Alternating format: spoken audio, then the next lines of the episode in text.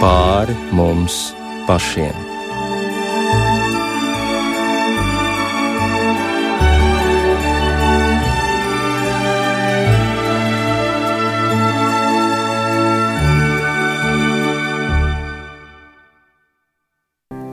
Esiet sveicināti raidījumā pāri mums pašiem, lai ir slavēts Jēzus Kristus.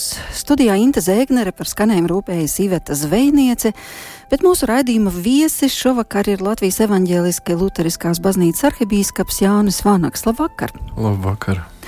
Un jā, jā, patiešām mēs šobrīd esam tiešajā ēterā, nevis ierakstā.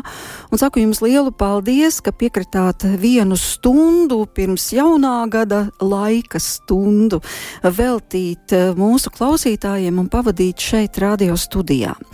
Bet nevelti mēs šo tikšanos sākām ar Jāņa Lūsēna pazīstamo darbu mazu brīdi pirms, un patiešām mēs esam mazu brīdi pirms gadu mijas, kad parasti mēs paraugāmies uz aizejošo gadu, mēģinām saprast un izvērtēt, kāds tas bija.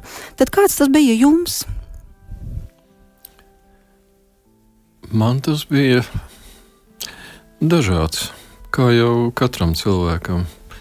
Un arī vispār Latvijā mums bija lietas, kas lika justies lepnām, un priecīgām un pacelātām. Un bija tādas lietas, kas bija sāpīgas, un bija par ko kauns pagājušā gadā par to, kas notiek. Tā kā dažādi arī manā dzīvē tāpat bija virsotnes un grūtības. Kas tad jums lika justies lepnam? O, nu daudz kas. Nu, piemēram. Nu, kā jau visiem man uh, sajūsmināja, protams, mūsu sasniegumi sportā, tur hokeja medaļa un ceturtā vieta basketbolā. Tas bija nu, tā kopā ar visu tautu varējām priecāties. Un dziesmu svētki, protams, bija vienreizēji. Uh, šoreiz es pirmo reizi laikam tā īsti biju aizgājis uz deju svētku lielu uzvedumu, tāpēc, ka man meita tur dejoja. Un, uh, protams, nožēloju, ka agrāk nebija gājis, jo tas bija ļoti iespaidīgi. Un, uh, es domāju, tās tādas lietas, kas parāda mums, ko mēs varam sasniegt tad, kad esam vienoti kopā un lietpratīgas, kompetentas teiksim, vadības vai lietpratīgā un kompetentā vadībā. Un tas varētu teiksim, izpausties arī ne tikai dziesmu svētkos vai sporta komandas sasniegumos, bet tam tā vajadzētu būt mūsu sabiedrības dzīvē, tautas dzīvē, ka pirmkārt mēs esam vienoti. Un ka mums ir kompetence, saprātīga, un es gribētu piebilst arī uh, dieva svētīta vai dievbijīga vadība, Un tad Latvija spēja paveikt vienreizējas lietas. Mēs par to pārliecinājāmies tādā nu, teiksim, mazākā mērogā, bet tas pats jau attiecas arī uz vispār uz mūsu sabiedrības dzīvi. Tā kā, nu, es domāju, mēs varam lepoties arī ar to, ka mēs joprojām neesam pilnīgi paguruši, varbūt drusku atslābuši atbalstot Ukrainu. Man liekas, tas ir ļoti svarīgi Tāpēc, tas ir tāds ilgtermiņa atbalsts, un tas noteikti būs vajadzīgs vēl ilgi. Un es domāju, mēs varam būt lepni par to, ka mēs esam palīdzējuši. Es domāju, tas ir kaut kas, par ko lepoties. Jā, un joprojām tā palīdzība arī tiek sniegta, kas ir svarīgi. Vai mums vajadzētu šovakar pievērsties arī dažām varbūt lietām, kas jūs sarūktināja? Nu, jā, bija dažas lietas. Es domāju, viena tāda ļoti eh, nelāga lieta bija partnerības likuma pieņemšana steidzamības kārtā. Teiksim, tas, ka viņi pieņēma, nu, nu, tā ir politika. Es pieņemu, ka teiksim, nu, tā, tā tas notiek. Saimā nobalso vairākums.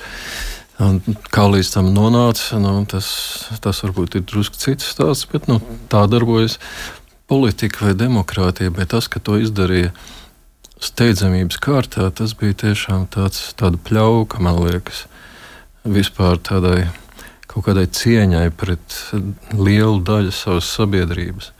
Tik demonstratīvi, tik tā vīzdegunīgi, es teiktu. Tas man ļoti sarūktināja. Otra lieta, es domāju, man bija ļoti sāpīgi dzirdēt, ka ir Latvijas uzņēmumi, kuri ir piegādājuši Krievijai kaut kādas teiksim, preces, kuras tiek izmantotas, lai Ukrainā nogal, nogalinātu cilvēkus. Un, ja mums ir sāpīgi atcerēties arāju komandas un teksim, dažu vai daļas latviešu iesaistītību holokaustā, tad šeit, man liekas, ir nākošais, par ko tāpat domāt, ka mūsu uzņēmēji piedalās uh, Ukraiņu nogalināšanā, iznīcināšanā. Tas, man liekas, ir liels kauns Latvijai. Jā, ja redzat, jūs šobrīd vērtējat not, notikumus, un uh, savukārt pats jūs decembrī izraisījāt diezgan lielu ažiotāžu, kad presē uh, parādījās viena pēc otras šīs ziņas, ka jūs gatavojaties atstāt amatu. Un, uh, starp citu, Vienā no intervijām jūs esat teicis, ka savā vietā labprāt redzētu kādu, kurš labāk izprot šo laiku un tajā dzīvojošos cilvēkus. Bet ņemot vērā to, ko mēs esam dzirdējuši gad, gadiem jūsu uzrunās Rīgas domā un valsts svētkos, arī citos gadījumos, tad šķiet, ka trāpīgāk raksturot laiku un situāciju nav iespējams, kā jūs to esat darījis. Tad kā saprast šos vārdus? Tātad kādu, domāju, kurš labāk izprot šo laiku? Es pietiekami realistiski sev vērtēju. Es biju uh, vienā un tajā pašā skolā apmēram ar piecu gadu atstarpi. Tā bija nu, laukos, faktiski nu, jā, kādā novada centrā uh, skola, vidusskola. Un es tur biju vienreiz, un pēc pieciem gadiem atkal. Un es novēroju, cik ļoti ir izmainījusies jaunā paudze. Kādā veidā? Nu, milzīga atšķirība jautājumos, attieksmē, tas, kas viņus interesē vai neinteresē vispār. Un, nu, es, tas man lika domāt, ka es 30 gadus esot bijis kā pamatā, kā zināms, biskupam nav savs draugs. Es vairāk strādāju ar viņu nu, teksim, kontaktā esmu ar biskupu kolēģi, ar kapitulu, ar mācītājiem. Draudzēs es kalpoju pārsvarā vizitējot, nu, tā tāda īslaicīga saskara. Un man liekas, ka nebūtu slikti, ja būtu kāds, kas uh, nu, tagad ilgus gadus ir kalpojis draudzē un bijis tiešā saskarē ar cilvēkiem. Es varbūt varu vērtēt norises kaut kādas. Es sekoju līdzi, es daudz domāju par to, kas notiek Latvijā, mēģinu to skatīt no nu, tādā dieva vārda gaismā vai Kristus atklāsmes gaismā. Taču man nav bijusi saskara tieši personīgi ar cilvēkiem tik daudz, kā nu, dažam labam mācītājam, kas desmitiem gadus jau kalpo kaut kur, kas sastopas arī jauno paudzi. Nu, galu galā tam jau visam ir arī praktisks iemesls. Uh, Jūs neesat vecs, es gribētu teikt, un arī neizskatāties vecs. Un patiesībā nemaz nav tas laiks, kad jums būtu obligāti jāatstāj amats. Nu, Varētu nav, sacīt arī nav, tā. Jā, nē, nu, mūsu satversme nosaka, ka bīskaps vai mācītājs var uh, doties emeritūrā ar 65 gadiem kas man ir tagad, un viņam jāiet 70 gados. Nu, es esmu tagad uzrakstījis to iesniegumu, tāpēc, ka arhibīskapa izraudzīšana ir diezgan garš process. Tur tiek aptaujāti visi diecas garīdznieki, tad tiek izveidot nominācijas komisija, kas ir nosauktajiem kandidātiem tiekus un pārunā. Un tad, uh, Simtiem nosaukt kandidātu, un tad beigās tiek sasaukt sinodi, kas ir sapulcs, kur ir apmēram kad 350 līdz 400 cilvēku. Un tad viņi ievēl arhibīskapu, un tas prasa laiku. Viss. Un tāpēc es jau uzrakstīju tagad to iesniegumu. Kāpēc 25. gadā? Tāpēc, ka mums sinode sanāk reizes četros gados. Un uh, kārtējā sinode ir 25. gadā. Ja man būtu, teiksim, es būtu palicis līdz 28. gadam, kad man jāiet emeritūrā, uh, tad nāktos sasaukt ārkārtas sinodi. Tas ir diezgan organizatoriski grūti. Jā, un arī izmaksas un viss. Un tāpēc, nu, kāpēc? Kāpēc ne? Jā? Kāpēc ne? Labi, bet ko nozīmē tagad šis 25. gads? Tas nozīmē, ka mēs dzirdēsim jūs Rīgas domā, piemēram, arī nākošajās lieldienās un iespējams nākošajos Ziemassvētkos, un 18. novembrī jūs turpināsiet veikt šo kalpošanu. 25. gadā? 24. Jā, 24. mums vēl jā, tikai 24. Nu, ja uz sliekšņa. Ja Dievs, ja Dievs gribēs un dzīvosim, tad jā.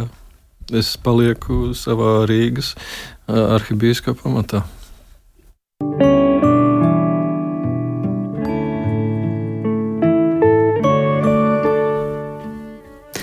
Mēs satiekamies īsi pirms jaunā gada, bet ko jums nozīmē šis laika robežas posms, šī šķirtne? Kad viens gads atdod prioritāti otram. Nu, mēs tomēr drusciņi to uztveram kā savādāk, nu, neteiksim, mistificējam, bet mēs ceram no tā jaunā gada kaut ko īpašu. Un ir taču arī tradīcija pašā jaunā gada mirklī varbūt vēlēties kādu vēlēšanos, citi vēl gudrāk izdara kaut kādu zīmīti, sadedzina un apēda uzzarot ūdeni virsū, lai nu piepildās tās vēlēšanās. Nu, ir kaut kas tāds brīnumains tajā pārējā, kā jums tas ir? Man godīgi sakot, es kaut kā ļaujos vispārējām entuziasmam. Varbūt, eh, nu, kad jaunais gads un ārā tepat doma laukumā liels jampadrats un tiek gaidīts jaunais gads diezgan skaļi. Uh, Man personīgi jaunais gads nu, diezgan sen jau neko daudz nenozīmē, tāpēc ka gada kulminācija ir Ziemassvētki, ziemas, lai, ziemas kulminācija. Tie ir Ziemassvētki, un tad, kad tie ir pagājuši, tad zinām, tāds atplūdi ir iestājušies. Bet, nu, es tā nu, redzēju tādu ļoti jauku mēmu ka tiem, kas ir apņēmušies jaunajā gadā sākt jaunu, skaistu dzīvi, atgādina, ka tas sākas 1. janvārī, un tā būs pirmdiena. labi, labi, bet. Vai ar Dievu palīdzību izdodas sākt ar pirmdienu, 1. janvārī, jauno skaisto dzīvi. Paldies, bet jūs pats tā nesat mēģinājis. Nu, vai jums nav bijušas tādas apņemšanās? Man tas saistās drīzāk ar baznīcas gadu, teiksim, ar adventu vai piemēram, ar gavēni, ar lielo gavēni, kad es apņemos kaut ko mainīt vai uzlabot savā dzīvē, šī gavēņa laikā sasniegt kaut kādu žēlastību vai kaut kādu rezultātu. Tas kalendārais gads man varbūt tik daudz nenozīmē. Bet tā taču mēs skaitām gadus Anno Domini. Nu jā, bet baznīcas gads jau sākas pirmā adventā. Nu tā jau ir. Bet nu, katrā ziņā šis ieteikums, ka 1. janvārs ir tieši pirmdiena, nu, tas ir diezgan iedvesmojoši. Jebkurā gadījumā. Jā. Kāds ir bijis jūsu visneparastākais jaunais gads? Es neesmu mēģinājis tā salīdzināt. Gan jau ir kaut kāds bijis, ne jau vienmēr, varbūt arī Latvijā tas tiek sagaidīts. Es domāju, ka tas varēja būt, es neatceros vairs kurā gadā, bet tas bija Vīnē. Uh, Tezē Eiropas tikšanās tā bija, kas parasti notiek jaunā gadā. Un tad uh, es atceros, ka toreiz es aizgāju jaungada, vecgada vakarā, jaungada naktī, tieši pusnaktī līdz vietējai baznīcai. Tur mēs bijām tādā forštatē priekšpilsētā, un tad es laikam kaut ko apņēmos īsti vairs, vai izlūdzos no Dieva, lai svētī man jaunajā gadā nu, būt tādam, vai nu, kaut kā reformēt savu dzīvi uz labu. To es atceros. Un, un tas notika? Uh, Godīgi sakot, tas bija tik sen, ka es īstenībā neatceros. Bet uh, tas jaun, jaunais gads Vīnē, Tezē pasākumā, kur bija sabraukuši kaut kādi 150 tūkstoši jaunu cilvēku Vīnē. Un tā um, viss tā pacelātība.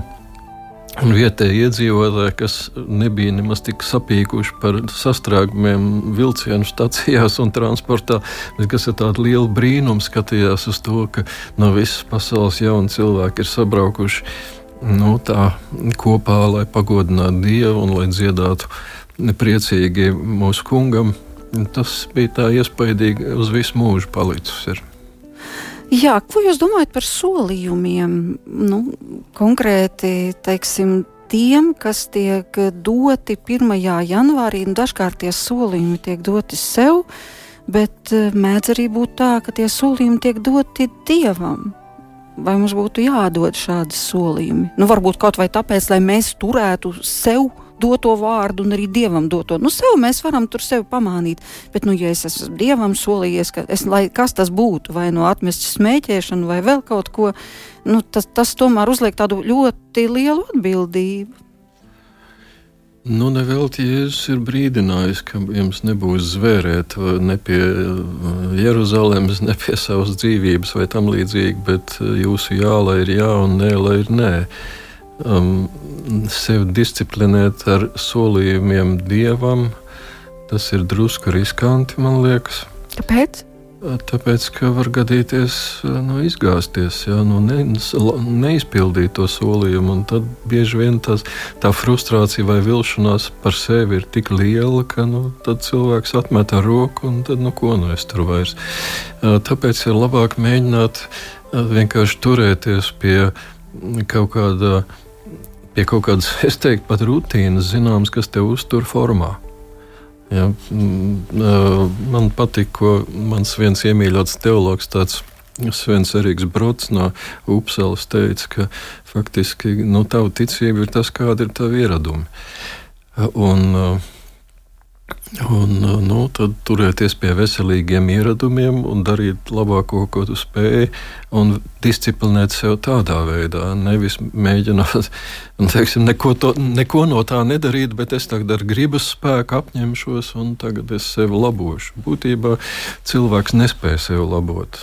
Cilvēkā iekšējās pārmaiņas var veikt tikai dieva gars, un tas mūžos ienāk caur dievu vārdu, caur svētiem rakstiem, caur sakramentiem, caur piedalīšanos dievkalpojumos, ar, caur lūkšanu un tiem žēlastības līdzekļiem, jā, ko Dievs ir devis. Un tad arī nu, nebūs jāmēģina sev disciplinēt ar solījumiem, kurus tu nespēji pildīt īstenībā pats saviem spēkiem vismaz ne. Cita lieta ir tāda solījuma, kurus dod un kuri ir jātur. Jā. Nu, piemēram, ordinācijas solījums. Es esmu devis ordinācijas solījumu vai biskupa solījumu. Nu, tur vairs man izvēles nekādas nav. Es to esmu. Tie ir tādi nu, saka, izvēles, kuras ir nemaināmas. Es varu tikai atkrist, varbūt. Es nevaru vienkārši tā atteikties no tā solījuma, bet tas ir pilnīgi cita joma vai cits līmenis. Bet kā ir ar eh, vēlēšanos? Vai jums kādreiz ir bijis tā, ka, nu, es nezinu, vai tas ir bijis gluži jaunā gada naktī, varbūt Ziemassvētku naktī, kad jūs esat kaut ko vēlējies, nu tā bērnišķīgi vēlējies, kaut būtu tā. Un vai tādas vēlēšanās ir piepildījušās?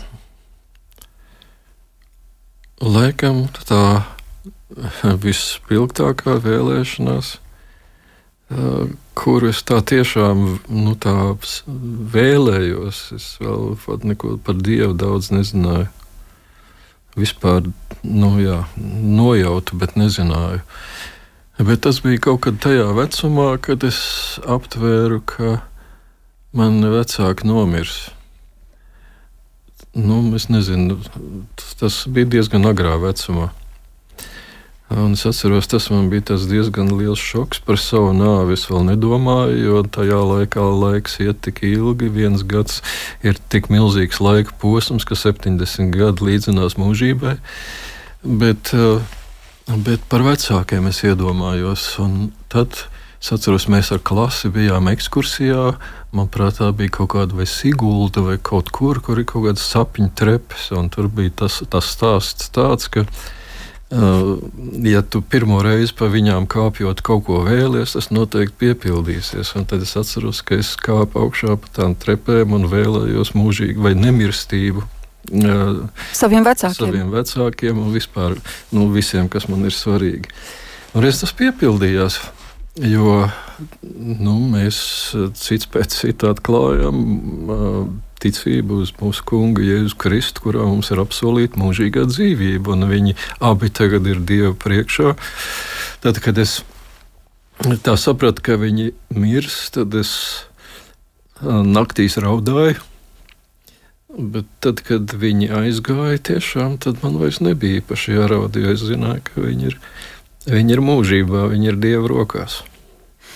Jā, pagājušajā svētdienā Bīskaps Modrs Uzalinkēvičs teica ļoti skaistu tādu frāzi par šo dzīvi, ka patiesībā šī dzīve ir kā ģērbtuve, kurā mums ir jāuzvelk svētku tērps, lai varētu šajā svētku tērpā pēc tam staigāt mūžīgi. Šis atjaunotais tērps, nu tā, tas pārveidotais cilvēks. Es domāju, ka tas mm, varbūt nav gluži tas, kas ienāk prātā dzirdot vārdus, pārveidoties cilvēks. Tas svētku tērps, kas ir jāuzvelk vai kas tiek mums apvilkts, ir mūsu Kunga Jēzus Kristus nevainojama svētā dzīve, kuru Viņš nodzīvoja mūsu vietā. Mums viņa bija jānodzīvo, bet mēs to neesam darījuši, un diezgan bieži arī nesam nemaz gribējuši. Bet viņš to ir nācis un nodzīvojis mūsu vietā, un tiem, kas ir kristīti un tic viņam, viņš apvelk šo savas savas dzīves svēto nopelnu, kā drēbes, ar kurām stāvēt Dievu priekšā, tāpat kā viņš mūsu dzīves skrandas uzvilka kāpjot Golgātā. Un, nu, tā ir tā lielā pārģērbšanās. Tas Jā. ir tas, kāpēc Jē, Jēzus saka līdzībā, kā tu esi atnācis šurp bez svētku drēbēm, vai ne? Tu neesi apvilcis to svēto, ko es dodu. Jā, tā lielā pārģērbšanās, un, bet tik un tā jau kaut kā gribas piedalīties tajā procesā, lai tas tērps nu, vismaz nebūtu noskrandis, jā, pa dzīvi staigājot. Nu, jā, es domāju, ka. Nu, es tagad atkal kā Lutāns runāšu. Gā, kā jūs vēl savādāk varētu, protams, ņemot vērā jūsu statusu? Būtībā šis, šīs jaunās drēbes mums, cilvēkiem, uh, tiek dotas bez nopelna, bez kaut kādiem bauslības vai labiem darbiem, tīri žēlastības dēļ, tikai tāpēc, eh, ka Kristus tos priekš mums ir nopelnījis, un mēs viņam uzticamies un topam kristīti eh, tēva un dēla un svētā gara vārdā. Taču uh, no mums tiek sagaidīta, protams, mūsu dzīves pārveidošana no laba uz labāku, vai no sliktas uz labu, un tad uz vēl labāku. Tāpēc nu, tas izriet no šīs žēlastības. Ir, tā ir normāla atbilde. Tas, tā, tā dāvātā apžēlošana vai tas dāvātais svētums, tas dara vispār mūs spējīgus darīt labus darbus, jo, vai dzīvot. Nu, es domāju, ka labus darbus spēj darīt arī neticīgi cilvēki, kaut kādus labus darbus. Bet es domāju, neksim, to, kas iepriecina Dievu, to, kas pagodina Dievu, to, kas jādara nu, kristīgam cilvēkam, to jau. To ja mēs varam tikai tad, kad mēs esam ticībā satvēruši šo Kristus dāvināto ja, svētā gara dāvinājumu. Jā, mēs šobrīd turpināsim ar kādu dziesmu. Eh, iespējams, kuru jūs arī pazīsiet, jo tā ir no abas repertuāra un nevis no baznīcas korāļiem. Bet uh, stāsts arī par šo dziesmu ir neparasts, jo šurp bija atbraukusi Anne Sofija von Otere, pazīstamā leģendārā zviedru dziedātāja, kas savulaik šo Benija Andersona dziesmu ir iedziedājusi. Un man viņa arī gribētos veltīt mūsu klausītājiem, jo manuprāt, tā ir tāda dziesma, ko klausīties īsi pirms gadumijas, un arī padomāt gan par gadu, gan arī par to, ka eksistē eņģeļi, un tieši par to arī viņa dzied like an angel passing through my room, jeb it kā eņģelis būtu izgājis cauri manai istabai. Like an angel passing through my room.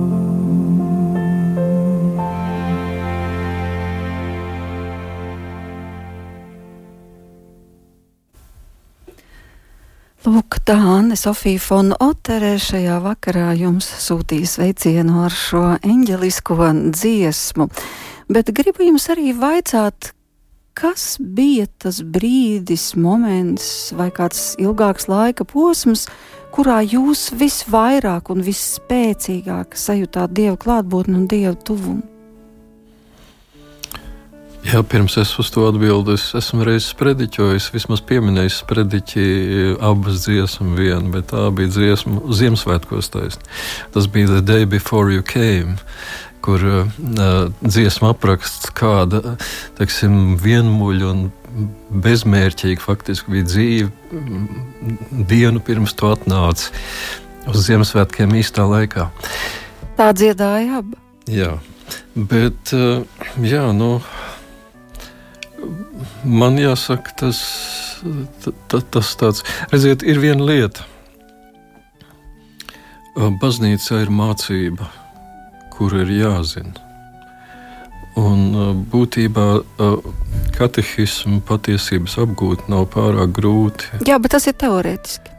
Bet mums gribas piedzīvojumu. O, o, tieši tā, teiksim, ir daudz vairāk par katehismu, ko var uzzināt par baznīcas mācību. Ir daudz grāmatu, un var studēt teoloģiju. Un iegūt grādus, pat doktora grādu teoloģijā. Un nepazīt. Bet tas viss ir, es teiktu, nu, ceļvedis. Jā, tā kā Bedekers vai Lonely Planet, tu vari lasīt viņu, ka, ir tādas skaistas vietas, kuras ir vērtīgi apskatīt. Un var ļoti daudz ko uzzināt par to visu, un būt pilnīgs eksperts par Grieķiju, vai nezinu, Brazīliju, vai kādu citu zemi, izlasot šos ceļvežus.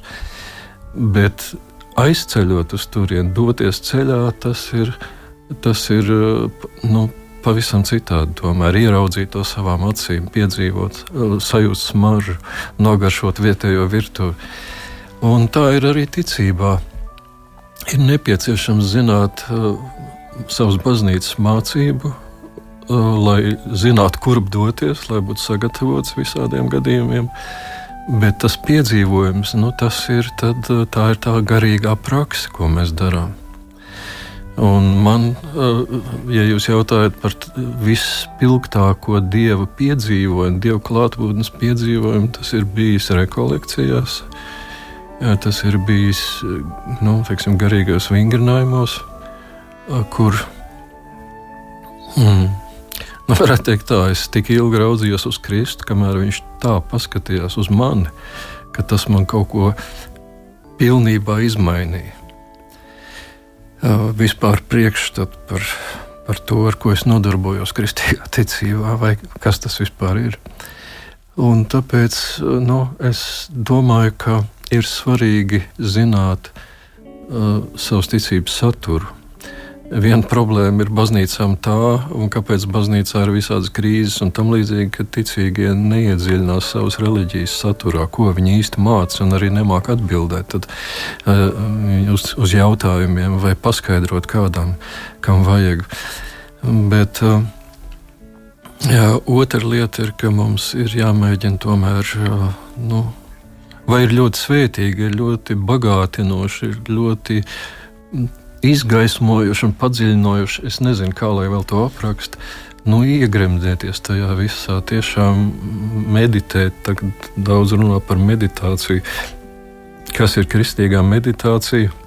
Nu, manā gadījumā tā ir padziļināta svēto rakstu apcere, lasīšana, Nu, ir pat vairākas metodes, jau tā saucamā lekcija divīna, kur tu lasi lēnām, mēģinot ielūkoties savā dvēselē, uh, nu, kas tur notiek, lasot, un ja kāds vārds vai kāds teikums uzrunā tevi, pārsteidz vai kaut kā saviņo apstājies pie tā, un tad atkārto viņu, un lasi vēlreiz, un lasi to balsī.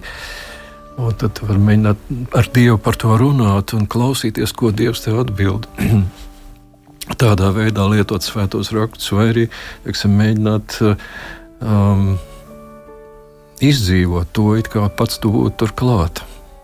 Nu, tas drusku notiek arī sprediķi rakstot. Ja, ka, nu, es nezinu, kā citi mācītāji, bet es, kad rakstu sprediķis, vienmēr mēģinu nu, tā iejusties, it kā izdzīvot pats to notikumu, it kā es būtu persona tajā stāstā, kā es to redzētu, kas ar mani tad notiktu. Tas ir tāds veids, kā lasīt svētos rakstus un veltīt tam daudz laika, ja iespējams, rekolekcijas. Mums arī Latvijā šeit ir tādas iespējas dažādā veidā. Nu, ja runā tieši par piedzīvoto dievu klātbūtni, tad es pieminētu šo. Noteikti ir bieži kaut kādi atsevišķi momenti, kurus es varbūt tā uzreiz nevaru nosaukt kaut kāda spilgta brīža dievkalpojumā vai kādā dzīves situācijā, kad lūkšanas ir atbildētas vai tam līdzīgi. Bet, nu, teiksim, tos dieva klātbūtni nevar meklēt apzināti. Jūs sacījāt, jūs tik ilgi skatījāties uz Jēzu, kamēr viņš tā paskatījās uz jums, ka tas visu izmainīja. Tas nozīmē, ka patiesībā sakot, eh, mums ir tas pirmais solis, mēs nepietiekoši ilgi skatāmies. Es domāju, ka mēs varētu noteikti skatīties vairāk un uzmanīgāk. Galvenais ir veltīt laiku un koncentrēšanos. Un tāpēc jau rekolekcijas ir paņemt laiku vienatnē ar Dievu. Mēs ļoti maz to darām ikdienā. Un, es kaut kur redzēju tādu plakātu, kur Jēzus skatās no tā plakāta un jautājums, kāpēc tur man nerunā? tā ir godīgi sakot. Mēs jau pat baznīcas profesionāļi bieži vien nu, tā nu, nemaz tik daudz laika dienā tam neveltam, kā vajadzētu vai kā varētu. Bet nu, tas sagādā, tā, tas jau nav smags darbs, tas ir darbs faktiski koncentrēties, bet tas sagādā lielu gandarījumu un lielu iepriecinājumu un labus augļus nes. Vai jums pašam ir kādas nākošā gada apņemšanās? Aha, tagad pie tā 1. janvāra un pirmdienas. 1. janvārī nē, bet nu, es esmu apņēmies darīt savu darbu, cik labi spēju. Protams, un, tas nebūtu nekas jauns. Jā, jā bet nu, esmu ieplānojis doties uz rekolekcijām, lai vienu nedēļu darītu to, par ko es tikko runāju, un lai kaut kā atjaunotos un varētu savu darbu darīt. Nu, Mums ir tāda programma baznīcā pastorālās vadības institūts, kas apmāca, apmāca nu, vadīšanas prasmēs garīdznieks faktiski un viņa ģimenes. Viņas sievas arī, lai to darītu kopā. Un tur ir viena tāda sadaļa vadīt no iekšienes. Ka nu, vadīšana nav tīras administrācijas prasmes, bet, bet tam ir jānāk no, no kaut kāda dieva no sakņotības dievā, iekšējas sakņotības dievā, lai tas, ko tu lem, būtu nevis nu, kaut kāds aprēķins, bet lai tas būtu tāda garīga intuīcija saskaņā ar Dievu. Varētu to saukt varbūt par gudrības garu, kas tiek dots. Jā, tā noteikti ir nu, svētā gara dāvana. Es kādreiz esmu domājis par veiksmēm, kas ir. Veiksme bijuši. izvēles tevi. ir bijis tāds kādreiz teiciens. Jā, nu, kādreiz, kad esmu pieņēmis kaut kādus lēmumus, kas izrādījušies ir bijuši par svētību, un man nav bijis varbūt īpaši pamats to darīt, vai ir bijušas citas iespējas. Un kāpēc es tieši to izvēlējos, un es to nepierakstu kaut kādai, kaut kādai savai pārgudrībai, bet nu, kad Dievs tajā brīdī ir man devis padomu, un es viņu esmu sadzirdējis. Tā ir tā lielā veiksme. Jo, kā teica, es neatceros, kurš tieši, bet viens no Kenterberijas arhibīskapiem viņš teica, brīnumi daudz biežāk notiek tad, kad es lūdzu Dievu. tā. Vēl viens ļoti svarīgs jautājums, jo galu galā visa zemeslode šobrīd grasās dažādās laika joslās, bet sagaidīt šo 2024. gadu, nu, jo mēs vadāmies pēc Anno Domini. Un tad lūk, um, gribētos no jums dzirdēt dažas vadlīnijas, jeb um, noteikti, varbūt kā jūs spējat noteikt tās koordinātas, kādā punktā mēs šobrīd atrodamies. Kā sabiedrība, kā Latvija, kā pasaule, kādu laiku mēs īsti izdzīvojam un uz kurien mēs ejam, kā jūs redzat šos procesus? Es domāju, ka viss ir ārkārtīgi sarežģījies šobrīd. Pirms Krievijas iebrukuma Ukrajinā bija kaut kā skaidrāk. Viss. Bija teiksim, nu, tādas vērtības, par ko mēs iestājamies, kas ir skaidras, kas ir nu, mūsu tautai devušas labu pamatu, kāpēc mēs vēl joprojām esam un dzīvojam. Un tad bija nu, teiksim, kaut kāds mm, pretstats tam visam, kādas citas vēsmas, kas gribētu to visu varbūt nolikt malā un jaunu pasauli sev celt. Kā jau pa laikam ir cilvēki to gribējuši. Tad bija kaut kas skaidrāk, bet šobrīd nu, ir tā, ka bieži vien vienā jautājumā, piemēram, mm, nu, vērtību vai tikumu jautājumā, mēs esam uh, tuvāk ar cilvēkiem, kur citā jautājumā, piemēram, Ukraiņas jautājumā, atkal nu, pavisam citādi skatās. Ja. Man te bija iespēja aprunāties ar Jordanu Petersonu pirms kāda laika, un uh, viņš tā man taisni jautāja, nu, kā, tas īsti ir, vai, vai, vai Krievija teiksim, mēģina veidot kaut kādu kristīgu valsti vai kristīgu kaut kādu tādu realitāti pasaulē, vai tā ir tikai fasāde. Nu, ko lai viņam atbild? Jā, jā no, nu, nesaprotot krievu valodu, jau ir grūti saprast, par ko ir runa. Ja tu klausies tikai ziņas vai atreferējumus. Un daudzi tiešām. Um, Bet kristīgu valsti nogalinot cilvēkus, nu, jā, jā, nav iespējams tieši veidot. Tā, nu, tieši tā. Lai gan teiksim, vēsturē jau ir bijuši daudz tādu mēģinājumu. Mums tepat mm, Latvijas kristianizācija notika teiksim, misijas, e, notika evaņģēlijas sludināšana, bet paralēli notika pavisam citi procesi, ja, kur ieradās teiksim, karaspēks ar pavisam citiem mērķiem. Bieži vien mēs to vairs nespējam atra, ap, atšķirt, kas ir kas bijis. Vai tiešām tur mm, evaņģēlijas bija tas, kas šeit iekaroja tautas. Un... Um, Evangelijas un Bībele un Dievs ir izmantots visnelietīgākajā veidā, visdažādākajās vēsturiskajās situācijās. Tā skaitā atcerēsimies Vāciju. Viņiem arī uz jostas bija rakstīts Gotmit uns. Ja? Nu, skaidrs, tā, kā, nu, tā jā, ir, jā, skaidrs, tā ir. Bet, ka, bet par bet mums grūti, es gribu bet, vaicāt. Bet jā. mūsu tautā eh, to īsti neatšķir. Ja? Mums, mūsu tautas kaut kādos populāros mītos eh, krustneši bija tie, kas nesaka uh, dievu vārdu ar uguni un zobenu. Ja? Bet, nu, tā tas ir. Bet par šo brīdi, kurā mēs dzīvojām, viena lieta, ko jūs teicāt, jā, viss ir sarežģījies, bet kā jūs pats raugāties uz šo nākošo gadu, kaut kas var atrisināties? Jo es saprotu, ka jūs nesat Delfa orākuls. Es bet... Delfa orākuls.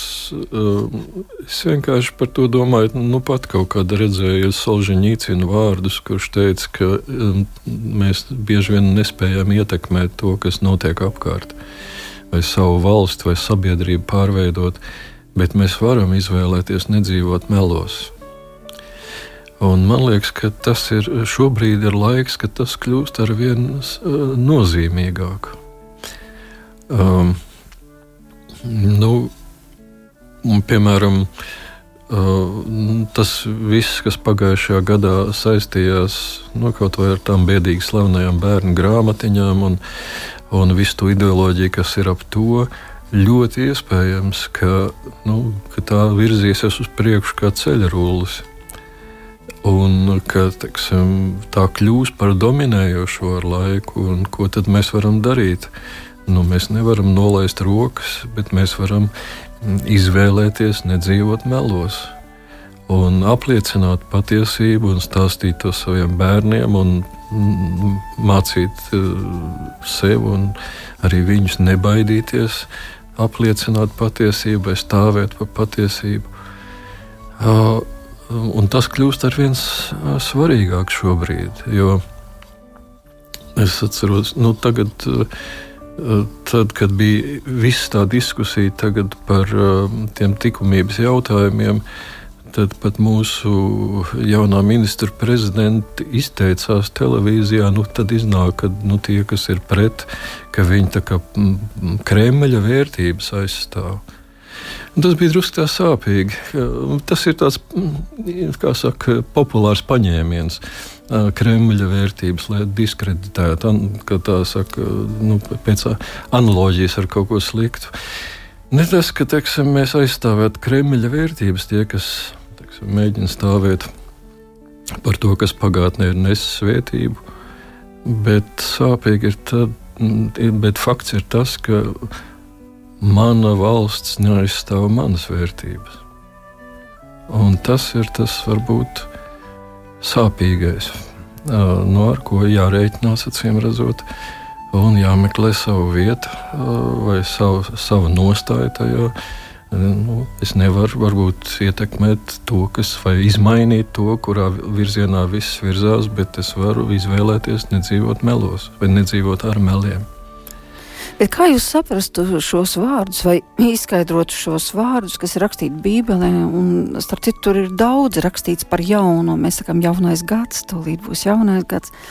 Bet Bībelē ir šie vārdi, redzēs visu daru jaunu. Un, ja mēs runājam par apakalipsi vai, teiksim, Svētā Jāņa atklāsmes grāmatu, tad tur arī ir ļoti skaidri tas teikts par šām jaunām debesīm un jaunu zemi, kur Dievs pats būs cilvēku vidū un asaru vairs nebūs, bēdu nebūs tas jaunā jēdziens, viņš ir iespējams tikai tad, kad būs cita realitāte, kad būs iestājusies mūžība, vai tomēr šis jaunais, kas tiek Bībelē apsolīts, tas jau ir tagad sasniedzams?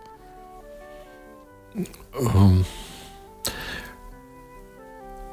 rietumu civilizācijai, kas ir droši vien jāsaka postkristīga uh, civilizācija, uh, paliekot uz pašreizējā attīstības vektora, es nesaredzu nekādu nākotni labu.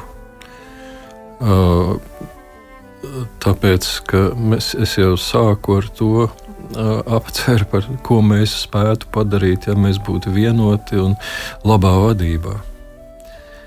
Bet šobrīd gan lēmumi, gan veids, kā tie tiek pieņemti, man liekas, ļoti šķeļa sabiedrība. Bet varbūt mēs, nu, kā kristieši, esam vainīgi ka nav pietiekoši dedzīgas lūkšanas, nav pietiekoši spēcīgs gavēnis, nav visas absolūtas sirds nodošanās, un tā tad, kas dievam, dievam nav nekādas problēmas, kā rakstīts, viņš var no akmeņiem radīt Abrahama bērnus, Jā, viņam bet, radīt brīnumu nav problēma, tā tad vai tā varbūt ir mūsu atbildība? Droši vien, ka mums vajag vairāk lūgt un vairāk gavēt un, un, un tam līdzīgi. No otras puses, ko tad mūsu kungs ir teicis? Vai es atnākot ticību, vairs atradīšu virs zemes? Un ka beigu laika būs tik smagi, ka, lai pievilktu pat izredzētos, un tāpēc tas tiks saīsināts. Un ka iestāsies eh, tās lielās pārmaiņas, kur šī šāda realitāte pārstās eksistēt. Es nedomāju, ka tas būs rīt vai parīt, bet, nu, principā. Paldies, iepriecinājāt, jau, ka tas nebūs rīt vai parīt. Mums jau, mums jau nav apsolīta eh, nemaz tāda lepotrija šeit. Tas, par ko runā apakalips, tāpēc jau viņi sauc par apakalips, ja, par atklāsmi, par skatu to, tajā, kas būs, kā pārveidosies, kādas būs beigu lietas. Eh, nu, lai mēs saprastu, ka viss, kas tur rakstīts, nav attiecināms tieši uz, uz šodienu, uz mūsu apstākļiem. Nu, tomēr ieprieciniet mūs šīs sarunas laikā, jo galu galā no cerības mēs dzīvojam. Un tā arī ir mm, sacīts Bībelē, taisnais no cerības dzīvos. No ticības no ticības, no cerības, droši vien arī no mīlestības. Šobrīd pārveidoju svētos rakstus, bet tas no, skan labi. no ticības taisnēs dzīvēs, tas ir luterāņi, kā saka, centrālā vieta svētajos rakstos. Nu, lūk, cik mēs esam ekumēniski. Jā, uh, nu, protams, ka Dievs mūs nepamet, mums katram ir cerība. Kristus teica, kas, kas dzīvos, kas tic, kas. Um, uh, uh, tic, tic man. Kas tic man, tas dzīvos, jebšu tas mirt, un kas uh, man tic, nemirs nemūžam. Jā, tā, uh, tā ka šis apsolījums mums joprojām ir. Un, un uh, nu, pie tā mēs varam turēties, dzīvojot vai mirstot. Bet lūkšu jūs arī šajā raidījumā tomēr dot mūsu klausītājiem svētību nākošajam gadam, jo tas nu gan patiešām ir svarīgi. Un tas nozīmē, ka ceram arī, ka būs kāda lūkšana.